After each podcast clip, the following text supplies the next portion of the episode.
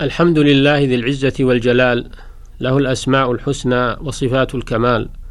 الصلاة والسلام على نبينا محمد وآله وأصحابه وبعد. أيها الإخوة المستمعون السلام عليكم ورحمة الله وبركاته. نتحدث إليكم في هذه الحلقة في بيان ألفاظ لا يجوز أن تقال في حق الله سبحانه تعظيما له قد ورد النهي عنها بخصوصها. ومن هذه الألفاظ أنه لا يقال السلام على الله لأن السلام دعاء للمسلم عليه بطلب السلامة له من الشرور. الله سبحانه يطلب منه ذلك ولا يطلب له ويدعى ولا يدعى له لأنه الغني له ما في السماوات والأرض وهو السالم من كل عيب ونقص وهو مانح السلامة ومعطيها وهو السلام ومنه السلام.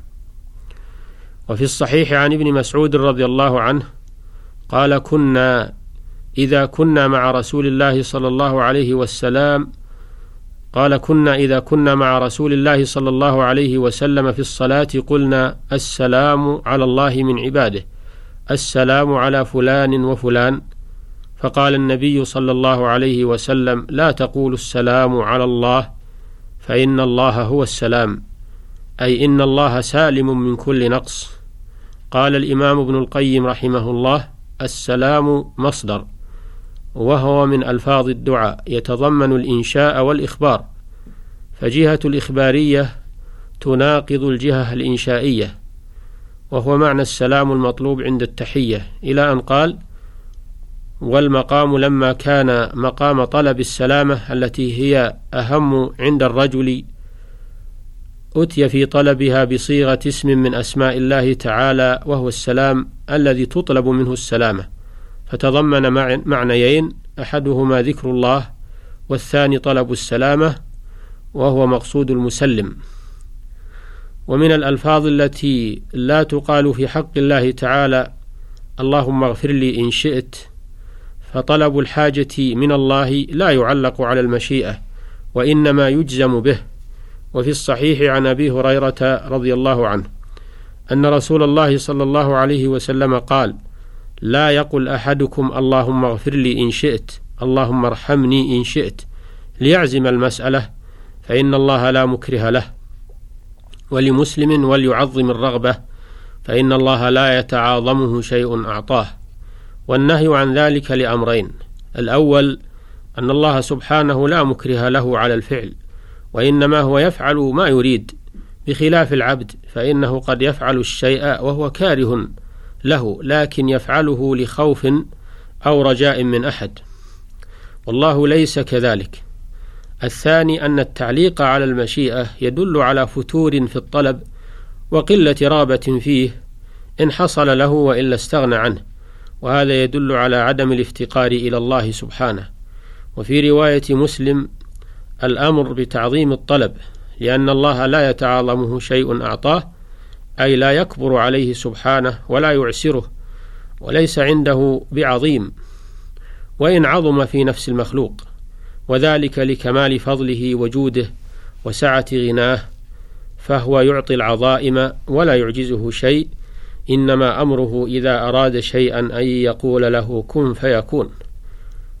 ومن الألفاظ التي لا تقال في حق الله تعالى الإقسام على الله إذا كان على جهة الحجر عليه أن يفعل الخير. عن جندب ابن عبد الله رضي الله عنه قال قال رسول الله صلى الله عليه وسلم قال رجل والله لا يغفر الله لفلان. فقال الله عز وجل من ذا الذي يتألى علي ألا أغفر لفلان؟ إني قد غفرت له وأحبطت عملك رواه مسلم. والتألي من الألية بتشديد الياء وهي اليمين ومعنى يتألى يحلف قوله من ذا الذي؟ استفهام إنكار. وهذا الرجل أساء الأدب مع الله وحكم عليه وقطع أنه لا يغفر لهذا المذنب فكأنه حكم على الله سبحانه وهذا من جهله بمقام الربوبية. واغتراره بنفسه وبعمله وإدلاله بذلك فعومل بنقيض قصده وغفر لهذا المذنب بسببه وأحبط عمله بسبب هذه الكلمة السيئة التي قالها مع أنه كان عابدا. قال أبو هريرة رضي الله عنه تكلم بكلمة أوبقت دنياه وآخرته ففي الحديث وجوب التأدب وجوب التأدب مع الله سبحانه في الأقوال والأفعال وتحريم الإدلال على الله والإعجاب بالنفس واحتقار الآخرين وتحريم الحلف على الله إذا كان على جهة الحجر عليه ألا يفعل الخير بعباده. أما إذا كان الحلف على الله على جهة حسن الظن به سبحانه ورجاء الخير منه فهذا جائز. كما جاء في الحديث إن من عباد الله من لو أقسم على الله لأبره. وفي الحديث بيان خطر اللسان ووجوب التحفظ منه. وفي حديث معاذ رضي الله عنه قلت يا رسول الله وإنا لمؤاخذون بما نتكلم به. قال ثكلتك أمك يا معاذ وهل يكب الناس في النار على وجوههم أو قال على مناخرهم إلا حصائد ألسنتهم؟ رواه الترمذي وصححه. ومما سبق يتبين أنه يجب التحفظ في الألفاظ والابتعاد عن اللفظ الذي فيه سوء أدب مع الله سبحانه لأن هذا يخل بالعقيدة وينقص التوحيد. فلا يقال السلام على الله لأنها لأنه سبحانه هو السلام ولأن السلام على أحد دعاء له بالسلامة. والله سبحانه يدعى ولا يدعى له. وأنه لا يقال اللهم اغفر لي وارحمني إن شئت ونحو ذلك بل كل دعاء يؤتى به على سبيل الجزم بلا تعليق بالمشيئة لأن الله يفعل ما يشاء ولا مكره له. وكذلك لا يقسم على الله ألا يرحم فلانا أو يغفر فلان أو يغفر لفلان أو يفعل خيرا لأن هذا حظر ومنع لرحمة الله وسوء ظن بالله عز وجل. كما أنه لا يجوز أن يقال ما شاء الله وشاء فلان وإنما يقال ما شاء الله ثم شاء فلان.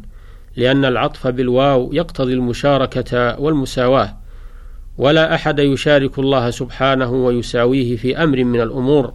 وأما العطف بثم فإنه يقتضي الترتيب والتبعية فتكون مشيئة المخلوق تابعة لمشيئة الله سبحانه وحاصلة بعدها وليست مشاركة لها. وكل هذا مما يؤكد على المسلم وجوب دراسة العقيدة ومعرفة ومعرفة ما يصححها وما يخل بها حتى يكون على بينة من أمره وحتى لا يقع في المحذور وهو لا يشعر. وفق الله الجميع للعلم النافع والعمل الصالح. وإلى الحلقة القادمة بإذن الله تعالى لنواصل الحديث في مواضيع أخرى من مواضيع العقيدة إن شاء الله. السلام عليكم ورحمة الله وبركاته والحمد لله رب العالمين وصلى الله وسلم على نبينا محمد وآله وصحبه أجمعين.